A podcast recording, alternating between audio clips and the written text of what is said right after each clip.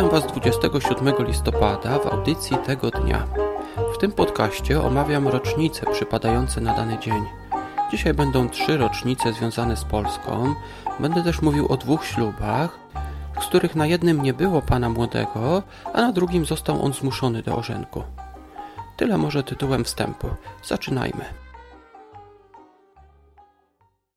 27 listopada 176 roku Marek Aureliusz ustanowił swojego syna Komodusa współcesarzem. Zerwał w ten sposób ze zwyczajem adopcji następców.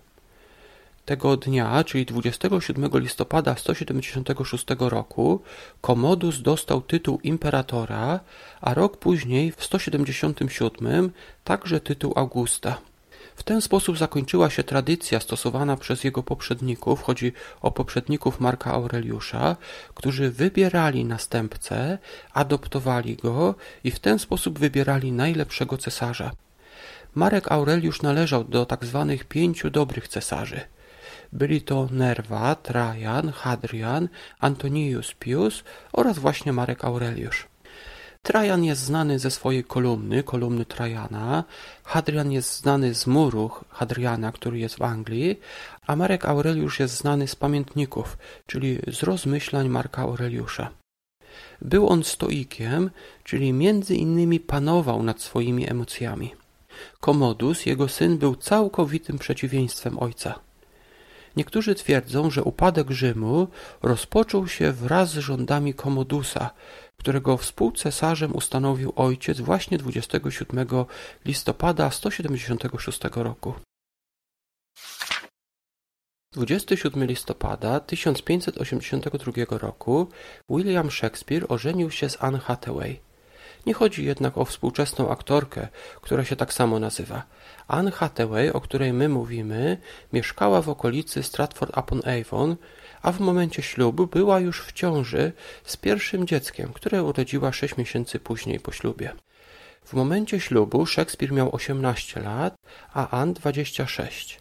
Z tego powodu niektórzy historycy twierdzą, że było to tak zwane shotgun wedding – Shotgun wedding to jest wesele, do którego pan młody przychodzi zmuszony przez ojca panny młodej, który stoi niejako ze strzelbą, z shotgunem i pilnuje, żeby pan młody dopełnił ceremonii. William Shakespeare i Anne Hathaway mieli wspólnie trzy córki i żyli dość zgodnie, ale raczej na odległość. Shakespeare większość czasu mieszkał w Londynie, a jego żona w Stratford-upon-Avon. 27 listopada 1605 roku. W Krakowie odbył się ślub per procura cara Rosji Dymitrija Samozwańca I i Maryny Mniszkówny. Dymitrij, który twierdził, że jest synem cara Iwana Groźnego, przebywał wtedy w Rosji, gdzie przejął władzę w czerwcu 1605 roku. Tak więc, gdy pan młody był w Moskwie, na jego weselu w Krakowie bawili się m.in. król Zygmunt III Waza, jego syn Władysław oraz wielu innych wielmożów polskich. Maryna Mniszkówna była pierwszą kobietą koronowaną na caryce Rosji, ale nie była nią długo, bo tylko od 18 do 27 maja 1606 roku. 27 maja doszło do buntu i zginął jej mąż. Jej historia na tym się nie skończyła, bo później pojawił się Dymitr Samozwaniec II, ale to już inna historia. 27 listopada 1895 roku Alfred Nobel sporządził ostatnią wolę, w której napisał, że wszystkie swoje środki przekazuje na fundusz nagrody znanej dziś pod jego imieniem. Nobel zmarł rok później, 10 grudnia 1896 roku i wtedy właśnie odczytano testament spisany 27 maja 1895 roku.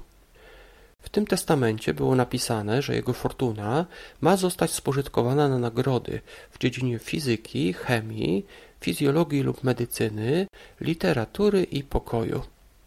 Wprawdzie rodzina Nobla walczyła o obalenie tego testamentu. Twierdzili innymi, że Alfred Nobel spisał go cierpiąc na starczą demencję. Wygrali jednak egzekutorzy testamentu, którzy 19 czerwca 1900 roku zarejestrowali Fundację Nobla. Rok później, 10 grudnia 1901 roku, zostały wręczone pierwsze nagrody. Nobla dostał wtedy m.in. założyciel Czerwonego Krzyża Jean Henry Dunant.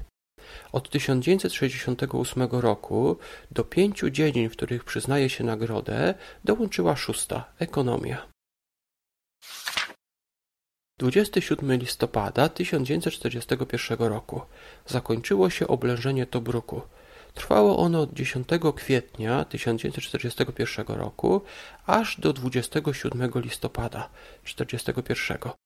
W obronie brali udział m.in. polscy żołnierze z samodzielnej brygady strzelców karpackich.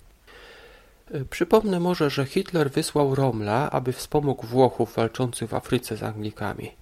Wojska niemieckie i włoskie zdobywały kolejne miejscowości i zatrzymały się dopiero na Tobruku. Obrona tego miasta była bardzo trudna dla Anglików, bo Luftwaffe, czyli Niemcy, mieli przewagę w powietrzu i codziennie bombardowali obrońców. Obrońcy należeli do wielu narodów, między innymi byli wśród nich Australijczycy, Brytyjczycy, Hindusi, a potem także Polacy i Czesi. Polacy i Czesi zastąpili wykończonych Australijczyków. Skąd się tam wzięli Polacy? Samodzielna brygada strzelców karpackich powstała na terenie francuskim w Syrii, ale po poddaniu się Francji w 1940 roku przeszła na stronę Brytyjczyków. Gdy Australijczycy postanowili wycofać swoje wojska z Tobruku, za zgodą Sikorskiego wysłano tam Polaków. I właśnie w taki sposób samodzielna brygada strzelców karpackich wzięła udział w obronie Tobruku. Była to pierwsza większa porażka państw osi. Ta pierwsza obrona Tobruku zakończyła się zwycięstwem aliantów, ale Rommel powrócił rok później i zdobył Tobruk 21 czerwca 1942 roku. 27 listopada 1975 roku odbyła się premiera filmu Zaklęte rewiry w reżyserii Janusza Majewskiego. Film był oparty na debiutanckiej powieści Henryka Worcela, właściwie Tadeusza Kurtyki. Autor pracował w hotelu Grand jako pomywacz, później bufetowy, a na koniec jako kelner. I swoje przeżycia opisał właśnie w książce Zaklęte rewiry. 27 listopada 1975 roku była premiera filmu opartego właśnie na tej książce. W filmie grali Marek Konrad oraz Roman Wilhelmi. To było sześć dat wybranych na dzisiaj.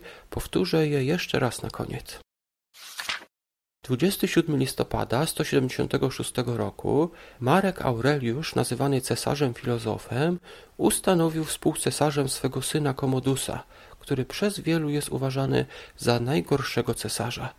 Tak więc po jednym z najlepszych cesarzy rządził jeden z najgorszych, a decyzję podjęto właśnie 27 listopada 176 roku. 27 listopada 1582 roku osiemnastoletni Szekspir ożenił się z 26-letnią Anne Hathaway. Być może pod przymusem, bo panna młoda była w trzecim miesiącu ciąży.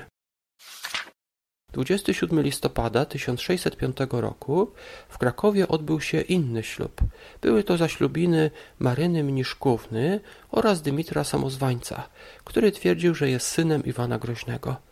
Na ślubie nie było pana młodego, ale za to był tam król Polski Zygmunt III Waza.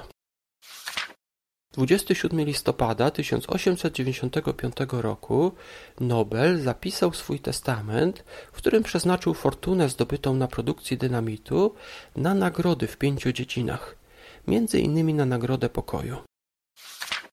27 listopada 1941 roku zakończyło się oblężenie Tobruku.